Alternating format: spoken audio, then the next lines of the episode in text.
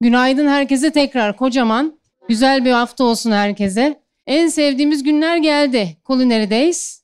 Ne kadardır yapıyoruz biz bunu? Hatırlayan var mı? Çok senedir. Değil mi? 10 sene oluyor. Şimdi Culinary Days iki günlük bir aslında ee, biraz şu kutunun dışına çıkalım. Her gün yaptığımız işten farklı bir şeyler düşünelim. E, ilham alalım. E, yeni fikirler getirelim aklımıza e, diye e, tasarladığımız bir iki gün diyeyim. iki gün olarak ortaya çıktı e, on küsur sene evvel. Çünkü yoğun bir dört ay geçirdiniz. E, hepiniz çok ağır çalıştınız biliyoruz mutfakta. Ama her gün aynı işi veya müfredatı takip etmenin ötesinde buradan çıktığınızda yapacağınız şeyle ilgili birkaç yeni fikri veya referansı dışarıdan almak her zaman gerekiyor. O yüzden biz de size bunu vermeye çalışıyoruz. Hep MSA'da söyleriz. Sadece okuldaki müfredatla kalmayın, derslere girip çıkmakla kalmayın. Dışarıdan da alabildiğinizi alın ileride yapacağınız işle ilgili e, neye ihtiyacınız varsa diye. Ben oryantasyonlarda da söylüyorum hatırlarsınız. E, okuldan çıktıktan sonra nerede işe başlarsanız başlayın araştırma, geliştirme artık size kalıyor.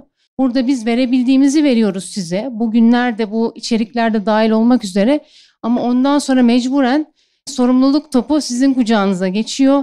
Gerisi size emanet. Dolayısıyla bizim buradaki vermeye çalıştığımız şeylerden biri de işte bu Culinary Days'in içinde Gamze gibi bugün e, farklı e, uzmanlıklar, farklı profesyonel e, sektör tecrübelerinden sizi de faydalandırmak. Şu hani out of the box düşünme derler ya birazcık e, zihnimizin dışına çıkıp etrafta neler var, kimler neler konuşuyor, başka ne işler yapılıyor, bizim işimize etkisi nedir diye bakabilmek. Çok uzatmadan hemen e, Gamze'ye atacağım topu ama önce tanıtayım. Gamze hem benim çok yakın dostum hem de bir moda tasarımcısı. Aslında ben moda tasarımcısı olarak tarif etmeyi çok sevmiyorum. Çünkü bugün ve yarın da duyacağınız gibi tasarım çok geniş bir kelime. Pek çok e, disipline dokunuyor. E, çok fazla sektöre dokunuyor ve hele ki yeni medya ile beraber, yeni teknolojilerle beraber bu sektörler tasarım çatısı altında birbirinden çok daha fazla etkileniyor artık. Gamze de biraz bundan bahsedecek. Bu iki gün moda, mimari, e, yeme içme deneyimi, e, sanat, eğlence bir sürü konuda tasarım başlığı altında nasıl sizin işinize de yansıdığını göreceksiniz aslında tasarım konusunun. Dolayısıyla ilk konuğumuz Gamze Saraçoğlu ile başlayacağım ben. Çok soru hazırladım ha yazdım bak burada. Tamam İstersen önce bir kendini anlat. Nasıl başladı bu e, moda tasarımı yolculuğu? Ne okudun? Okuduğun işi mi yapıyorsun şu anda? E, oradan başlayalım. Herkese merhaba. Ay benim için çok değişik bir tecrübe bu. Çünkü ben normalde binlerce kişinin önünde konuşma yapıyorum ama genelde en eksik olduğum konuda konuşma yapmıyorum. Yani beni mutfağa koysanız ben yumurta bile kıramam ama yemekle alakalı her konuda ve tasarımla alakalı ve yemekle alakalı her konuda çok fazla bilgim vardı. Ama bana pratikte bir şey yap deseniz e, çok zor. İşte burada bir tasarımcı olarak konuşmak benim için çok keyifli. Çünkü aslında ben bir moda tasarımcısıyım ama moda tasarımcılığının dışında birçok alanda farklı iş yapıyorum. Ama serüvenim böyle başlamadı.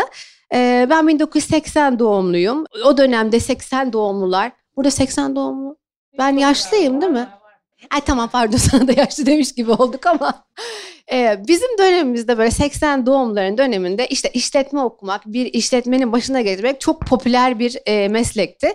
Ve ben aile işinin başına geçmek üzere önce işletme okudum çok zor okudum işletmeyi. Yani hakikaten okuldan da iyi bir dereceyle mezun oldum ama yani hiç başından beri yapmak istemediğim bir iş olduğunu biliyordum.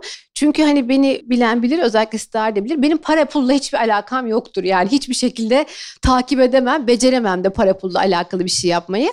Bunun üzerine bu yetmezmiş gibi bir de master yaptım Marmara Üniversitesi'nde. Fakat master'ın ya bir de hayat da çok bir şey, garip bir şekilde çok destek oldu bana. Master'da da iyi bir ortalama tuttum ve Amerika'ya bir bursa gönderilmeye karar verdim. Yani insan istemediği bir işte de bu kadar hani üst üste hayatında güzellikler gelmesi de tuhaf oldu. Fakat Amerika'ya gitme durumu olunca dedim ki ben gerçekten kendi istediğim işi okuyacağım ve Parsons'da e, moda tasarımı okuyacağım. Ve dedim girmeye çalışacağım. Eğer giremezsem de yani moda tasarımcılığı hayatımı hani bu hedefimi de vazgeçeceğim diye düşündüm. Ve sonunda e, gerçekten hazır hazırlanarak Parsons'a gittim ve Parsons'da moda tasarım okumaya başladım. Parsons'ı biliyor musunuz? Hiç duydunuz mu? Parsons aslında şu anda dünyanın en iyi moda okulu sayılıyor. Ve ben oraya kabul oldum. Kabul olunca ekstra bir şok oldum. Benim burada işim ne diye. E, ve sonunda okulu da e, 4 senelik okulu hani master ve işletmede okuduğum için 2,5 senede bitirdim ve okulda dereceyle bitirdim. Ee, daha sonra Donna Karan'da çalışma imkanım oldu. Fakat bazı sebeplerden sebebiyle Türkiye'ye döndüm. Zaten hep Türkiye'ye dönmek istiyordum bu arada. Hani ülkemde bir şey yapmak istiyordum. Türkiye'ye döndüm 2005 yılında. 2005 yılından da 2000 kaç şimdi 23 18 senedir de kendi markam adı altında tasarım yapıyorum. Aslında e, normalde şey demem gerekiyor. Hani ben koleksiyon hazırlıyorum demem lazım. E, moda tasarımı yapıyorum demem lazım ama biz moda tasarımı dışında da o kadar çok şey yapıyoruz ki belki şimdi burada koleksiyonlarımızı göstereceğiz. Bir moda tasarımcısı ne yapar? E, moda tasarımcısı her sezon koleksiyon yapar.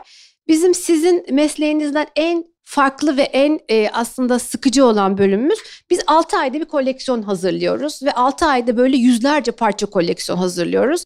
Önce çizim yapıyor, önce ilhamlıyoruz, çizim yapıyoruz. Bunu zaten ilerleyen yerlerde anlatacağım.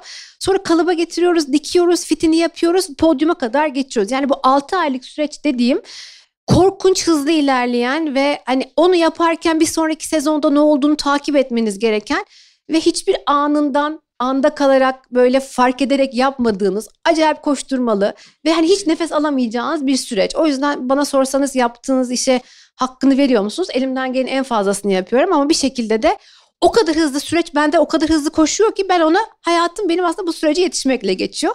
Ve ben bunu anladığım günden itibaren de farklı disiplinlerle, farklı alanlarda çalışmaya başladım. Mesela neler yapıyoruz biz? Onları da hepsinden bahsedeceğiz.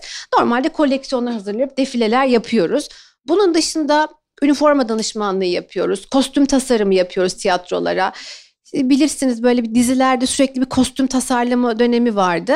Biz marka olarak e, dizilere kostüm yapmayı değil de tiyatroya destek olmaya karar verdik ve şu ana kadar dört oyunun kostümlerini yaptık. En son yaptığımız toz oyunu Zerrin Tekindor'un belki görmüşsünüzdür. Bizi daha çok yoran ama daha çok mutlu olduğumuz bir iş bu.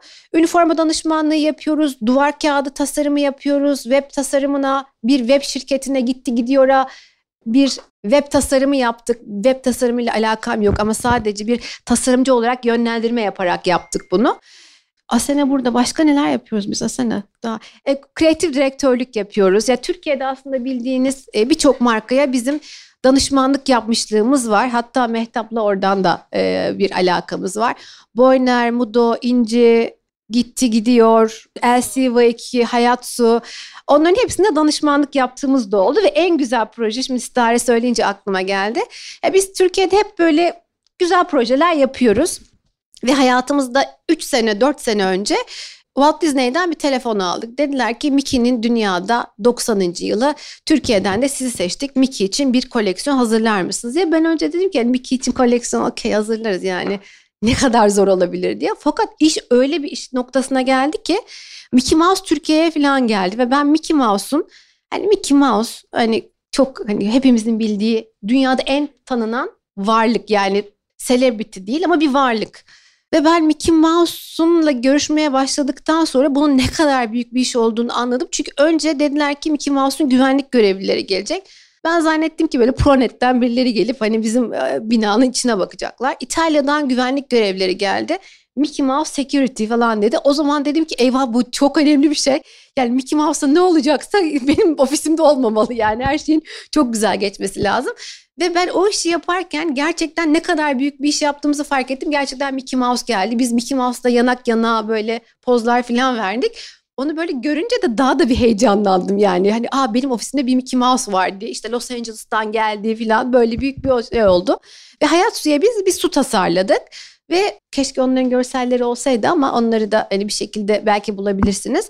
Ve Hayat Su rekor kırdı. Rekor satış yaptı Hayat Su e, bizim yaptığımız e, bu Mickey Mouse e, tasarımlarıyla. Ve 6 aylık anlaşmamızın bizim 3,5 sene kadar bir anlaşma oldu. Burada da mesela işletme okulunun bir avantajı ve dezavantajını söyleyeceğim. Normalde böyle bir iş yaptığınız zaman sizi çok rahatlatacak bir iş bu. 6 aylık bir işin 3 sene uzaması çok önemli bir iştir. Fakat biz ona o kadar duygusal baktık ki o kadar işletme okumana rağmen bu işin bir business olarak devamını düşünemeden sadece biz 6 aylık bir proje olarak düşünmüştük. Hakikaten çok ciddi geri dönüşleri olan bir iş oldu. Mickey Mouse'la alakalı daha sonra Penti'ye bir koleksiyon hazırladık. Touch Linens'i hazırladık. Bir de şöyle bir şey yaptık. H&M'e H&M biliyorsunuz işte Mügler'le yaptı, Erdem'le yaptı, Alexander Wang'le yaptı. Birçok markayla işbirliği yapıyor. Türkiye'den de bizi seçiyorlar ve Türkiye'de de ilk Türk tasarımcıyla beraber bir işbirliği yapıyorlar. Sürdürülebilirlik adına. Şimdi biz hepimiz sürdürülebilirlik adına hepimiz bir şeyler biliyoruz ve bunun üzerine konuşabiliyoruz. Fakat ben sürdürülebilirliğin ne olduğunu H&M'de çalışırken öğrendim. Aslında hani sürdürülebilirliğin ne kadar zor olduğu, ne kadar ciddi yatırım gerektiğini orada öğrendim ve o dönemde itibaren de artık sürdürülebilirlikle alakalı eğitimler vermeye başladık. Aslında benim atladığım bizim yaptığımız başka bir şey var mı? Evet, tamam. Aklımıza şu anda gelen bu. Ama yani bir tasarımcı aslında bir işletme bir e, Türkçe matematik mezunu olarak bence geldiğim nokta çok e, hiç benim düşündüğüm e, bu kadar alanın içine girebileceğim bir nokta değildi. Ama yani hayat bir şekilde e, böyle noktaları işte ipuçlarını takip ede de bizi bu noktaya getirdi ama ben artık bence moda tasarımcısı da sayılmam. Çünkü aslında biz modelle alakalı bir şeyler yapmaktan dahil olmamıza rağmen biraz daha uzaklaştık. Birazcık daha tasarım, birazcık daha hayattan hayatı yorumlama, işte müşteri davranışlarını yönlendirme, birazcık daha sorumlulukla alakalı davranış şekilleri geliştiren bir marka olduk. Ama herkes beni tabii hala bir moda tasarımcısı olarak e, biliyor. Bütün sorularının cevaplarını bir cevap bir soruda verdim galiba. Yok daha var. O zaman hemen şunu sorayım. Şimdi burada e, geleceğin ahçıları, pastacıları var ama ötesinde aslında artık her şey deneyim ya tırnak içinde. Sizler yarının yeme içme deneyimi tasarımcılarısınız. Aslında öyle biraz bakmak gerekiyor. Çünkü birazdan onu da soracağım Gamze'ye ama şu soru hep aklımızda. Sadece lezzet yetiyor mu? O yüzden sana şunu sormak istiyorum. Sen tasarımcısın. Burada da yemek deneyimi tasarlayacak olanlar var. Ne nasıl yön verirsin onlara? Nelerden ne, referans almalılar? Yani olayın sadece lezzet değil de bir deneyim olmasına yürürken nelerden ilham almalılar, nelere bakmalılar? Nasıl yön verirsin referanslar olarak? Yani e, o kutunun dışında düşünmeleri için nasıl bir yol izlesinler? Aslında şöyle bir şey. E, şimdi ben size demin bahsetmiştim. Böyle 6 aylık süreçlerde biz koleksiyon hazırlıyoruz. İşte sketch'ten önce bir tema buluyoruz. Zaten en zor tema bulması. Yani 6 ayda bir süreçte üretim ve tasarım yapıyorsak onun en sancılı biz ona doğum sancısı diyoruz yani bir tema bulmak. Öyle bir tema bulmanız gerekiyor ki ya büyük bir ihtimal sizde de öyle. Biz bunu bir koleksiyon adına buluyoruz. Siz bir ürün adına ya da bir konsept adına bulmanız gerekiyor. Fakat tema bulmak aslında öyle e, araştırma gerektiren, öyle kendinizi aslında vermeniz gereken bir konu ki. Çünkü bulduğunuz tema sizin aslında o anki yapmak istediğiniz işin e, kanı canı aslında sizi yönlendiren, ne yapmanız gerektiğini anlatan bir yönlendirici ve sizin bunu öyle hissetmeniz gerekiyor ki o hissetmeyle beraber karşı tarafa bunu aktarmanız gerekiyor ve bence işin en zor tarafı bu. Biz genelde tema bulmakta çok zorlanırız ama diyeceksiniz ki şimdi normalde hani bizde 6 aylık bir döngü var. Sürekli 6 ayda bir koleksiyon yapıyoruz. Yani biz artık tema dediğimiz aslında birazcık da ilham. Yani hepimizin ilham almakta çok zorlandığı konular var. İlham öyle beklenince gelen bir şey değil. Ben onu e, bana dersiniz ki hayatınızda bu iş hayatınızda ne öğrendiniz? İlham beklemekle gelecek bir şey değil. İlhamla araştırmanız, bulmanız ve gerçekten kafanızı yormanız gerekiyor. Ve e, biz bu konuda e, moda tasarımcısı olarak hiçbir modacıya ve moda tasarımcısına bakmıyoruz. Çünkü benim ilham alacağım konu aslında sizin de şefler aslında değil belki ilham almanız gereken. Örnek alacağınız şefler olabilir fakat ilham başka yerlerde geçerli. İlham almak için ne yapmanız yani tema bulmanız için ne yapmanız gerekiyor? Önceki hayatı gözlemlemeniz gerekiyor. Çünkü ilham alarak ilhamı sunacağınız, temayı sunacağınız kişiler aslında sizinle beraber bu dünyada yaşayan ve sizin aslında sürekli sokaklarda gördüğünüz insanlar. Biz bu ilham ve temaları nereden buluyoruz? Yani nasıl hissediyoruz? Aslında tema ve ilhamı hazırlayacağınız koleksiyonları ve hazırlayacağınız ürünleri sizinle beraber yaşayan tüketici davranışlarına göre seçiyorsunuz. Tüketici davranışlarını neler yönlendiriyor? Yani bir tahmin edebilir misiniz? Mesela şu anda Türkiye'deki tüketici davranışlarını ne yönlendiriyor? Hiç böyle bir aklınızda bir şey var mı? medya yönlendiriyor. Ama böyle çok spesifik bir şey var. Şu anda Türkiye'de çok gündem olan. Bu arada hep olumlu ekonomi. Ekonomik birebir trendleri ve birebir sizin ilhamınızı yönlendirecek bir şey. Türkiye'de bir ekonomik kriz varsa siz inanılmaz lüks sadece çok niş bir markete yönelecek bir koleksiyon ya da bir ürün tasarlarsanız onun gerçekle buluşma ihtimali zor olabiliyor. Ne etkiliyor? Aslında bizim şu ana kadar dünyada bizi en çok etkileyen trendleri ve müşteri davranışlarını etkileyen konu ne biliyor musunuz? iPhone ve iPad'ler iPhone ve iPad'lerin hayatımıza girmesiyle beraber bütün algılarımız, bütün e, yönetim şekillerimiz tamamen tasarım yönetimimiz tamamen değişti. Ve aslında biz bunu mesela çok basit bir şey Beyaz rengi bundan 10 sene önce hiç görseniz bakmayacağınız, beyaz araba görseniz almayacağınız. Hatırlar mısınız 10-15 sene önce beyaz arabaya kimse bakmazdı. Beyaz arabanın hayatımıza girmesi o iPhone'ların, beyaz telefonların hayatımıza girmesiyle oldu. Çünkü sürekli elinizde gördüğünüz o beyaz ürün aslında sizin beyazla olan iletişiminizi o kadar arttırdı ki beyaz ürünleri hayatımıza çok sokmaya başladık. Prestij ürünü gibi bir şey mi oldu? Prestijli bir renk. Ya beyaz, evet Beyaz artık prestij rengi, ileriye dönük, daha böyle modern, daha tasarımı anlatan bir renk haline geldi ki normalde beyaz böyle bizim mesela tasarımcı hep derler ya zürafa düşkünü beyaz giyer kış günü. Yani normalde beyaz asla hani kışın giyilmez diye. Şimdi koleksiyonlarda görüyorsunuz beyaz ürünler giyiliyor. E, dekorasyonda görüyorsunuz. E, bunu çok fazla hissedebiliyorsunuz. O yüzden birazcık dünyayı algılamak ve birazcık e, gözetlemek gerekiyor. Peki biz bunun için ne yapıyoruz? Biz bunun için aslında takip ettiğimiz sürekli biz ben gazeteleri sadece internetten e, okuyorum, online okuyorum ama gazetelerden daha çok takip ettiğim çünkü Türkiye'nin gündemi beni etkiliyor ama moral de bozuyor. Ee, takip ettiğim birçok yer var. Burada şimdi onlardan bahsetmek istiyorum. Ee, belki bunu bu sunumu size yollayabilirim istiyorsanız onun üzerinden de bakabilirsiniz. Mesela Another Magazine diye bir dergi var. Another Magazine e, sadece moda değil diğer bütün disiplinlerdeki trend olan müşteri davranışlarının en son yönlenmesiyle ortaya çıkan trend ürünlerden bahseden bir dergi. Aynı zamanda Another Mag diye Instagram'da account'u var. Biz onu her zaman bakarız. Hiç tahmin etmediğiniz bir görsel sizin hayatınızda yapacağınız en iyi ürünün yönlendirmesini yapabilir. The Gentlewoman diye bir dergi var. E, Gentlewoman'da bu dergide neyi beğeniyorum? Bakın bu derginin kapağı, bu derginin renk tonları, içini açtığınız zaman içindeki hissiyat çok farklı. İlla okuduğunuz ve anlayacağınız bir şey olması gerekmiyor aslında. Elinizde tuttuğunuz ve gördüğünüz zaman size fikir ve ilham verebilecek bir dergi olması bile yeterli. ID Magazine, ID Magazine'de şu anda aslında tam bizim e, hitap edeceğimiz insanların yani sosyal çevrede gördüğümüz insanların kimliklerini daha net aynatan o yüzden adı ID, ID Magazine işte kimliklerini daha net anlatan bir dergi. Bir yandan interior design. Şimdi normalde size bahsettiğim gibi ben normalde moda tasarımcısı olarak moda tasarımcılarını takip etmiyorum. Genelde farklı disiplinlerdeki tasarımcıları takip etmeyi e, tasarımcıları da değil eski sanatçıları işte filmleri, kitapları yani tasarımın dışında farklı disiplinlerde olan e, konulardan ilham almayı daha çok seviyorum. Onu yorumlamak daha çok hoşuma gidiyor.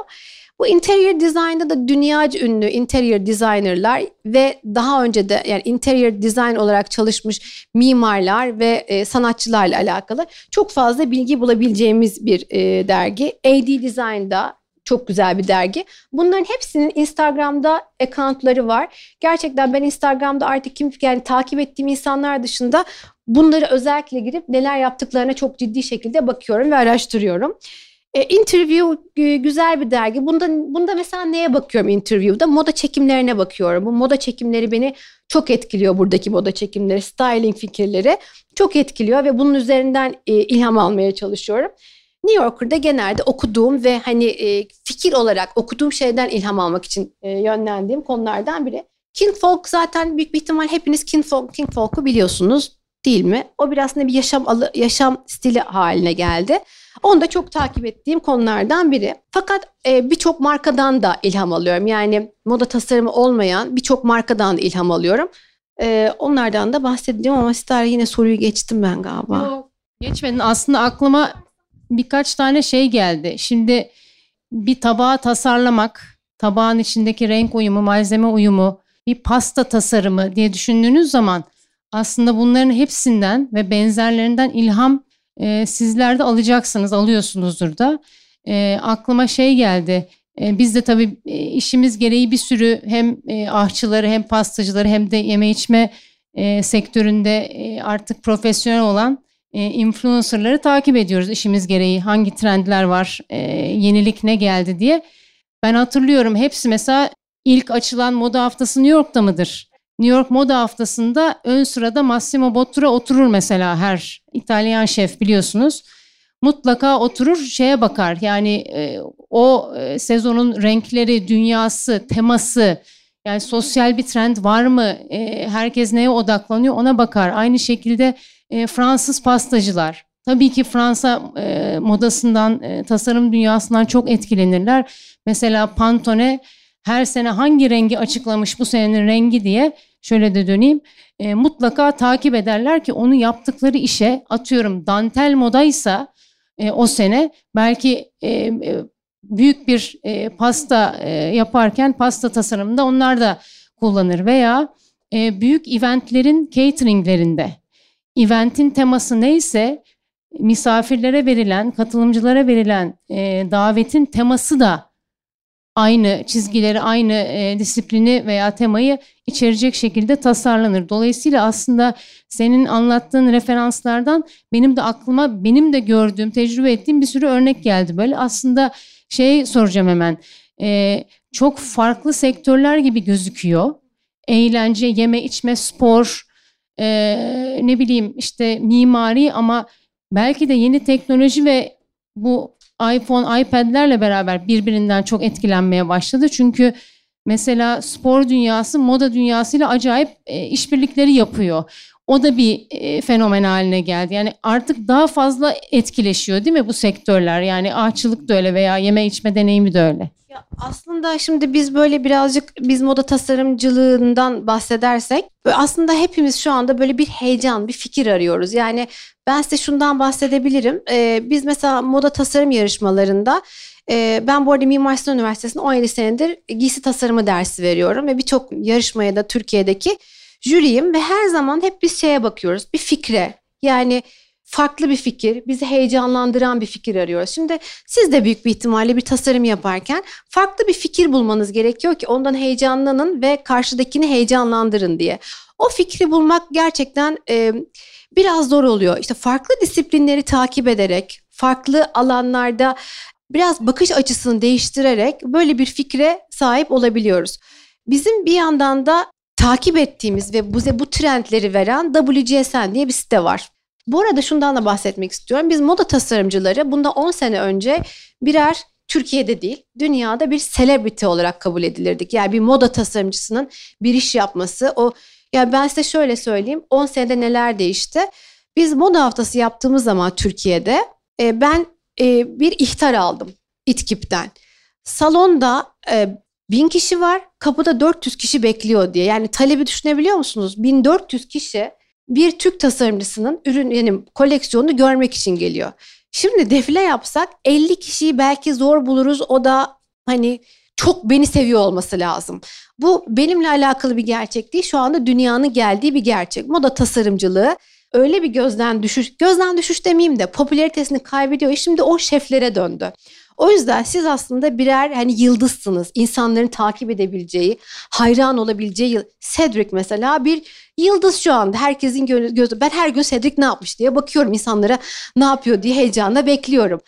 Zamanında Cedric gibi bizde de bir sürü insan vardı şu anda.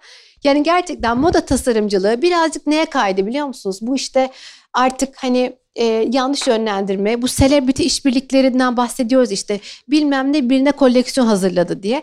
Ne yazık ki bu Kim Kardashian'lardan falan moda dünyasında çünkü Kim Kardashian'ın kendini gösterebileceği yer bir şef olarak asla gösteremez. Ama bir moda ile alakalı bir olarak gösterebilir ve ne yazık ki moda tasarımcılığının kalitesi şu anda düşmeye başladı. Biz bunu önceden fark ettiğimiz için, biz bunu aslında önceden fark ettiğimiz için değil mi? Biz bu gö- baktığımız zaman biz daha farklı bir alana, daha kendimizi iyi hissettirebileceğiz. Aslında moda dünyasının daha entelektüel tarafına kaymaya karar verdik. Ama sizde zaten default böyle bir şey var. Yani çünkü sizin yaptığınız şey hakikaten bizim yaptığımızdan benim gözümde şu an için konuşuyorum. Daha kreatif, daha insanları mutlu edebilecek bir şey. Biz çünkü artık kıyafet yaparak insanları mutlu edemiyoruz. Çünkü artık İnsanlar kendileriyle barışık olmadıkları için siz ne kadar güzel bir şey yaparsanız yapın o mutlu değil. Ama sizi de onlara verebileceğiniz bir tat, bir deneyim e, inanılmaz bir ilham kaynağı olmanızı sağlıyor. O yüzden hakikaten sizin yaptığınız meslek şu anda bir rising star, e, herkesin hayran olduğu Herkes moda tasarımcısı olabilir mi? Tabii ki olamaz ama herkes asla şef olamaz ya. O yüzden sizinki çok daha kıymetli. 10 sene önce moda tasarımcısı da olamazdı ama şimdi olabilir ne yazık ki. O yüzden sizin yaptığınız çok daha farklı ve kıymetli bir şey. Sizin sadece yapmanız gereken insanları heyecanlandıracak. Çünkü bütün malzeme var elinizde. İnsanları heyecanlandıracak bir fikir bulmak. Bu fikri de biz demin bahsederken söylemeyi unuttum. WGSN diye bir site var. WGSN bir scouting sitesi ne yapıyor? Yani insanlar WCSN diye bir marka var. İnsanları dünyanın birçok şehrine gönderiyor ve e, tüketici davranışlarını takip ettiriyor ve WCSN bize rapor veriyor. Genelde rapor böyle diyor. Bu sene dantel moda.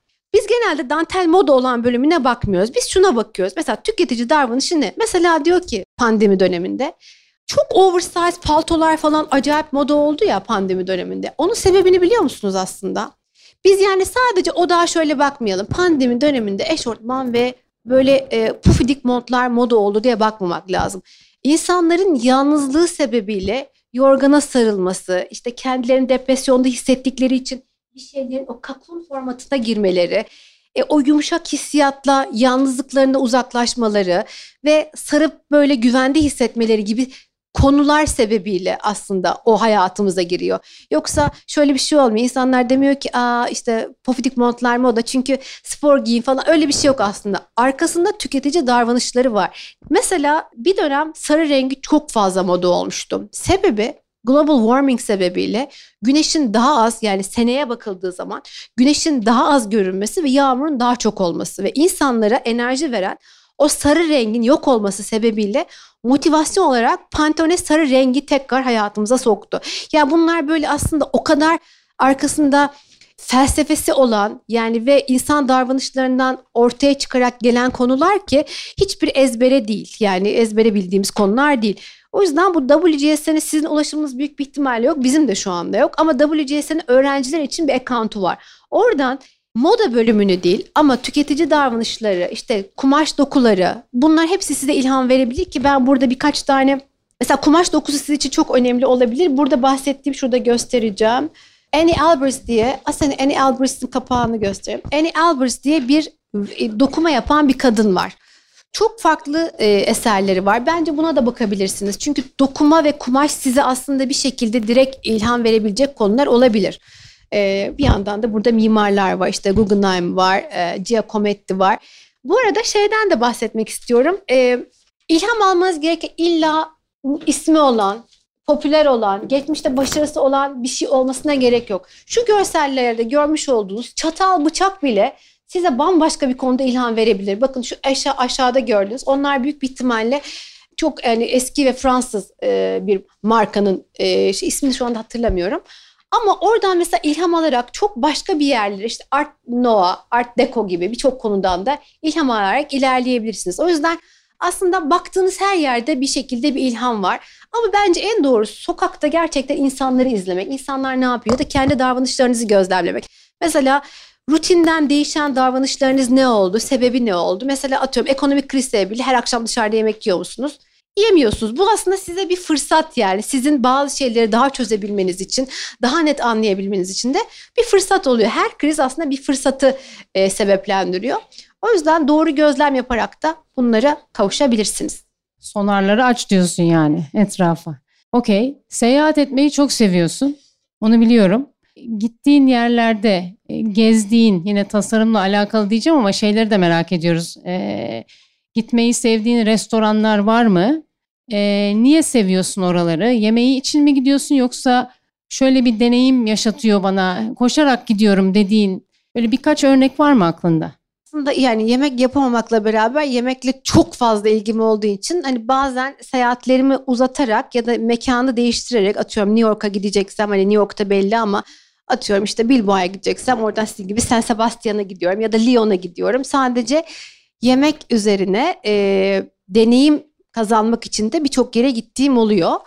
E, bir kere hani e, özellikle bu en iyi restoranları takip ediyorum ve onlara gitmek için de bayağı e, Noma'ya gitmek için e, bayağı bir mücadele ettim. Hiçbir zaman tarihi denk gelmedi ama çok sevdiğim yerler. Bir kere bence dünyada en çok gitmekten mutlu oldum. Hem tasarım anlamında hem yeme içme anlamında hem gastronomi anlamında hem de bana deneyim yaşatması anlamında Kopenhag'a hayranım. Geranium işte Noma gibi birçok dünyanın en iyi zaten restoranı oradan çıktı. Fakat ben orada e, hepsinin dışında Atelier September diye bir ufacık bir kafe var. Duydunuz mu orayı? Hiçbiri kadar meşhur değil ama onu mutlaka takip edin. Atelier September benim e, Kopenhag'da en beğendiğim, en e, böyle sakin, kendimi en iyi hissettiğim yerlerden biri. 6 gün kalıyorsam 6 günün e, mutlaka bir öğünü Atölye September'da yemek yiyorum. E, yemekleri ekstra güzel olmasının dışında yani ta, malzemeleri, tadı, kokusu, dokusu çok güzel olmasına rağmen ben orada girdiğim aslında ruh halini ve hissiyatı çok seviyorum. Bana çok güzel bir deneyim yaşatıyor orası. Son derece dingin, sakin, sokakta insanları görmek, kahve içerken o ortamda kalmak bana çok iyi hissettiriyor. O yüzden Kopenhag mesela benim çok güzel sevdiğim yerlerden bile. Tabii biz normalde meslek için mesleğimiz için Paris'e çok gidiyoruz. İşte orada RPG, Le Cinq gibi birçok restorana. Mesela hayatımdaki yaşadığım en güzel deneyim. Bu arada hep şık restoranlara değil. Yani benim Şimdi burada erkek arkadaşım da var. Ben böyle kimsenin gitmediği en leş yerlerde de acayip mutlu olabilen bir insanım. Oradaki deneyimi de çok seviyorum.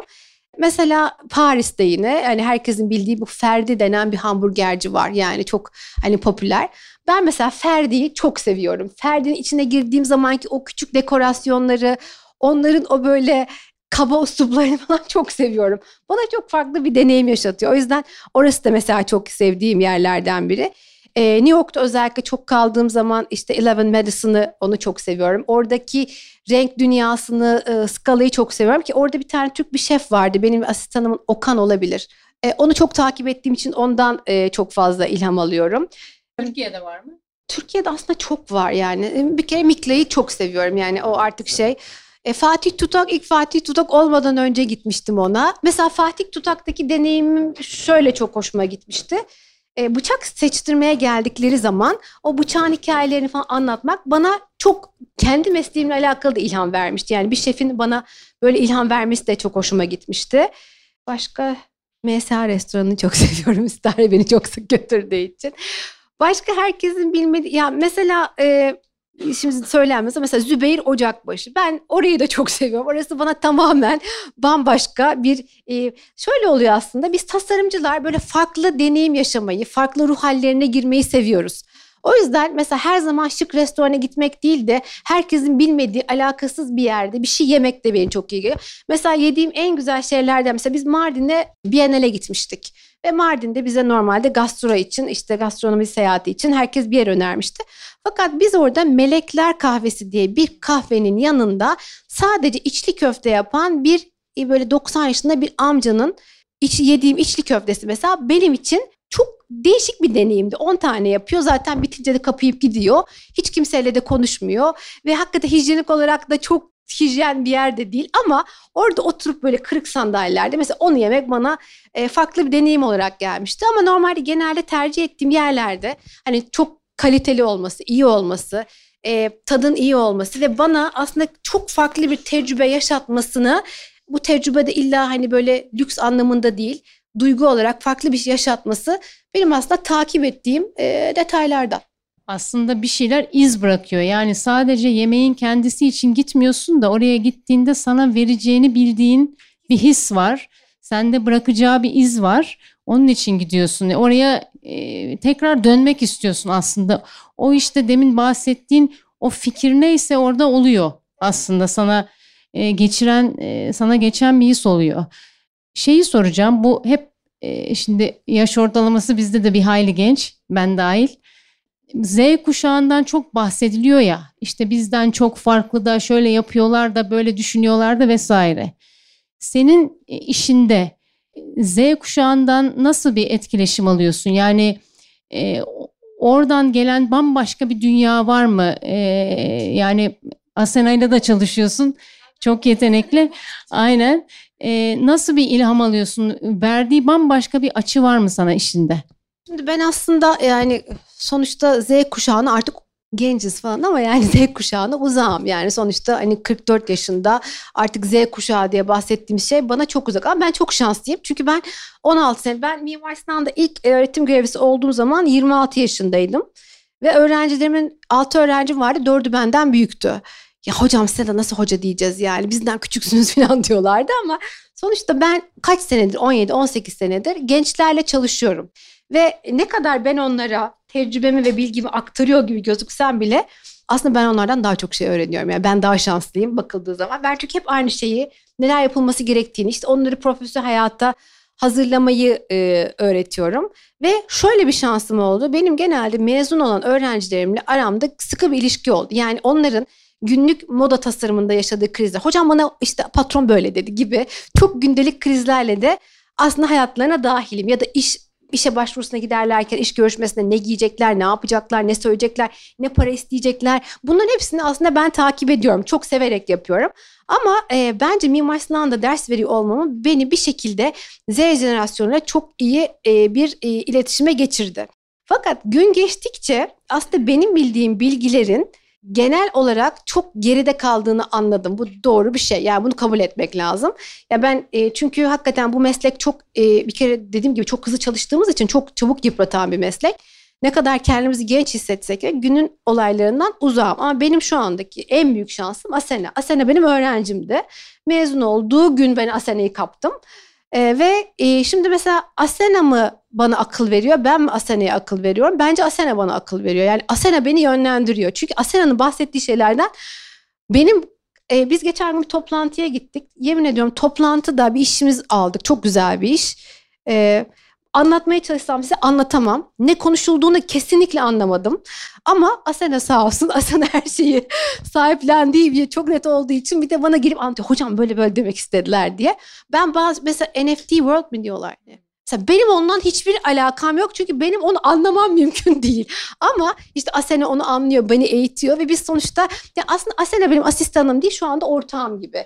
Benim tecrübelerim, bilgim ve Asena'nın hani kreativitesi ve yeni dünyaya olan hakimiyetiyle biz aslında ortak gibiyiz. Yani ben biraz şeye de hep karşıyım yani işte ben patronum, asistan benim asistanım, ben tasarımcıyım, Asena benim asistanım gibi değil. Bizde öyle bir hiyerarşi de yok yani. Biz hepimiz bir şeyin iyi olması için en büyük sebep de aslında insanları mutlu etmek için ama daha önemli bir sebep var. Kendimiz mutlu olmak için, iyi hissetmek için, şu dünyaya gerçekten daha çok katlanabilmek için biz ortak bir çalışma yapıyoruz. Orada kim daha iyi biliyorsa hangi konuyu o konuda söz sahibi. O yüzden Z jenerasyonu alakalı bir Asena'dan çok şey öğrendim. Bir kere e, bu davranış şeklinin çok doğru olduğunu öğrendim. Yani bir Z jenerasyonuna patronluk yapmak, yukarıdan bakmak.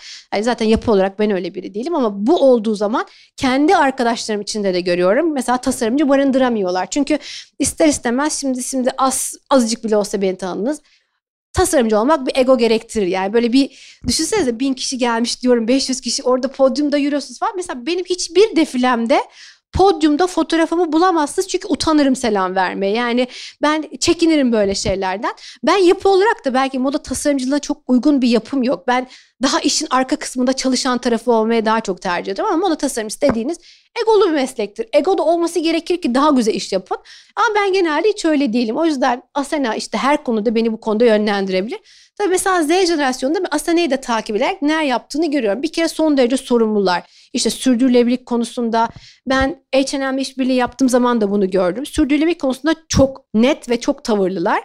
Biz ama bizim jenerasyonumuz sürdürülebilirlik konusunda ders veriyoruz. İşte bir tişört e, tasarlarken bir kişinin işte 13 yıllık su miktarı gidiyor diyebiliyorum ben size eğitim olarak. Ama Asena bunu çok daha net bir şekilde hissederek, yaşayarak bana bunun dersini verebiliyor. Buradan çok şey öğreniyorum. Bir de o kişiselleştirilmiş kendi zevklerini, kendi kimliklerini her hayatın alanına e, sunmaları beni çok etkiliyor. O yüzden o bizde o çok olan bir şey değil. Biz daha böyle e, yapmamız gereken şeylere odaklanan bir grubuz.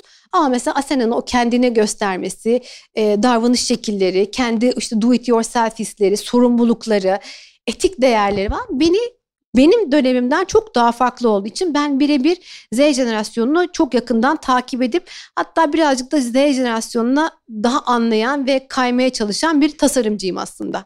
Bizim müşteri kitlemiz Z jenerasyonu değil bu arada. Fakat Asena ile beraber biz tamamen Z jenerasyonu ilgisini çekecek bir şeyler yapmaya başladık. Onu da söylemedim. Hani MSA'da da e, bir projemiz var Gamze ile e, Asena ile beraber çalıştığımız.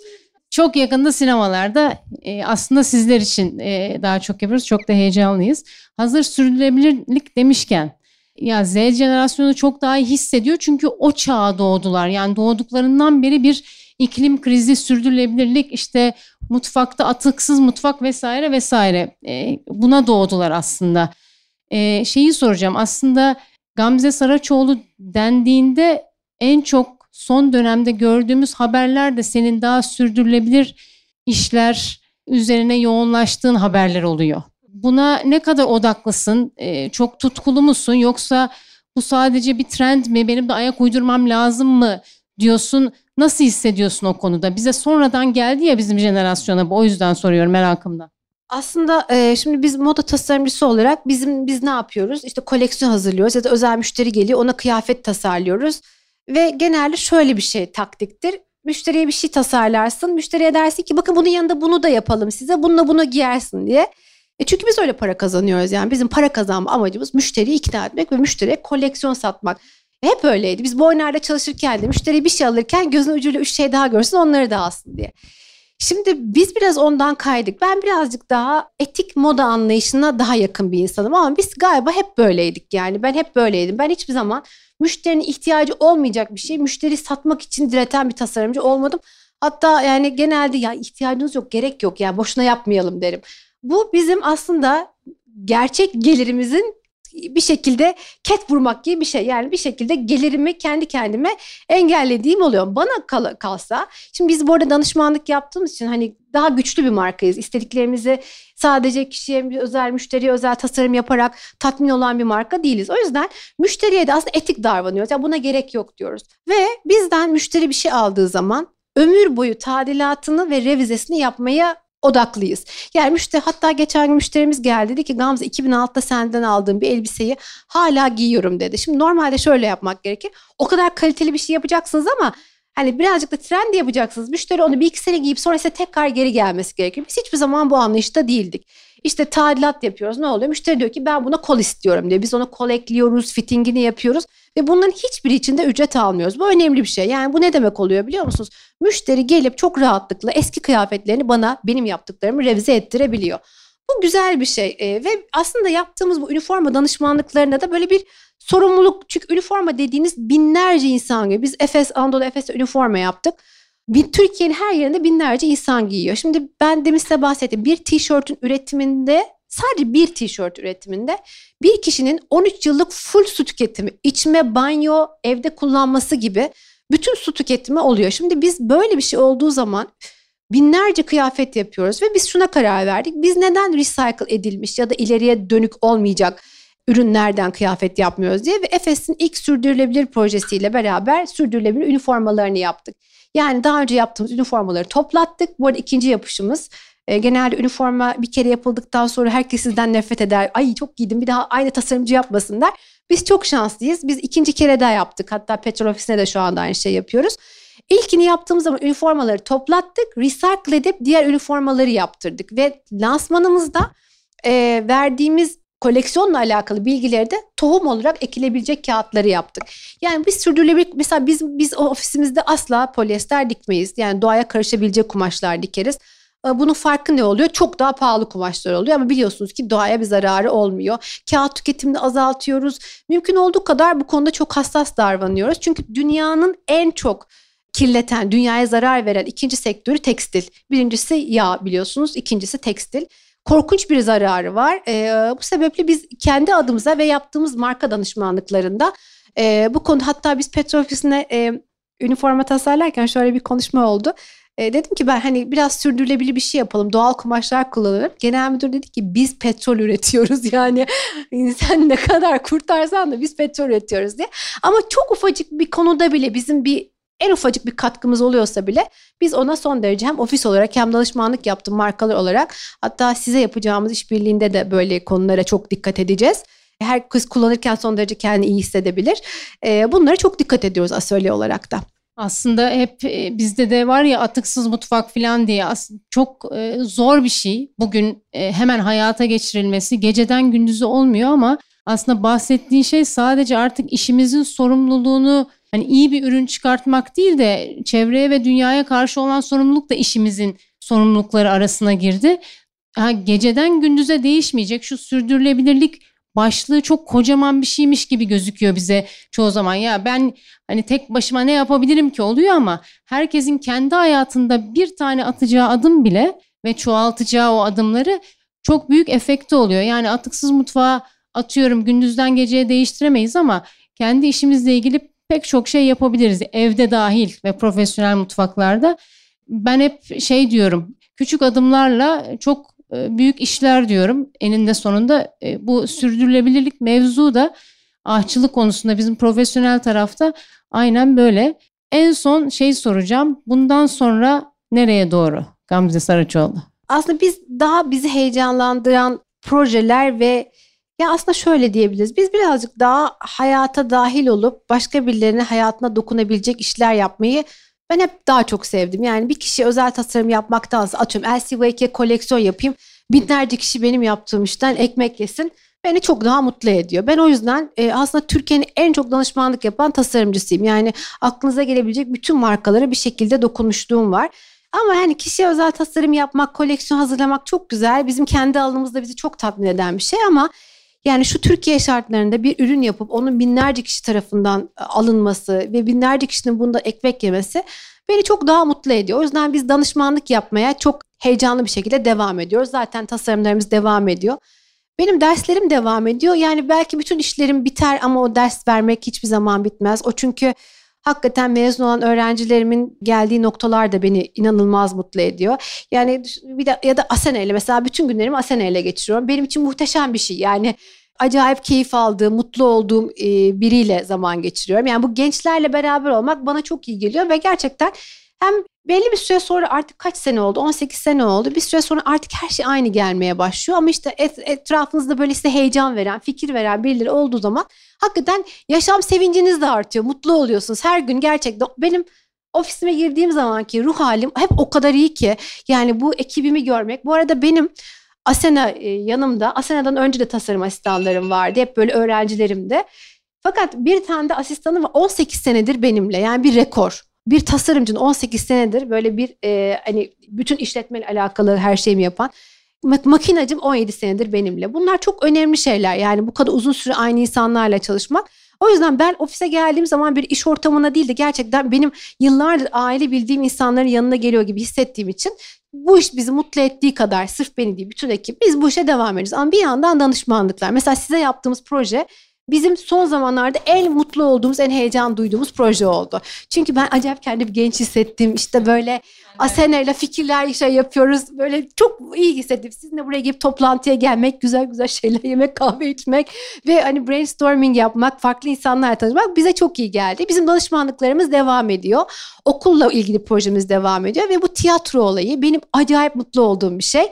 Çünkü e, gerçekten tiyatroya gitmek bir kere benim kendi kişisel alanım olarak çok sevdiğim bir şey e, tiyatroya dahil olmak ve hani mesela Zerrin Tekindor gibi bir kadına kostüm yapmak ve benim ondan bir sürü şey öğrenmeme sebep olması benim için tekrar çok iyi. O yüzden bana sorsan hani ne yapacaksın ileride diye biz koleksiyon hazırlamaya devam edeceğiz ama biz aslında danışmanlık yapmak, farklı fikirler yapmak, kreativitimizi başka alanlarda göstermek bizi şu anda daha mutlu eden şeyler.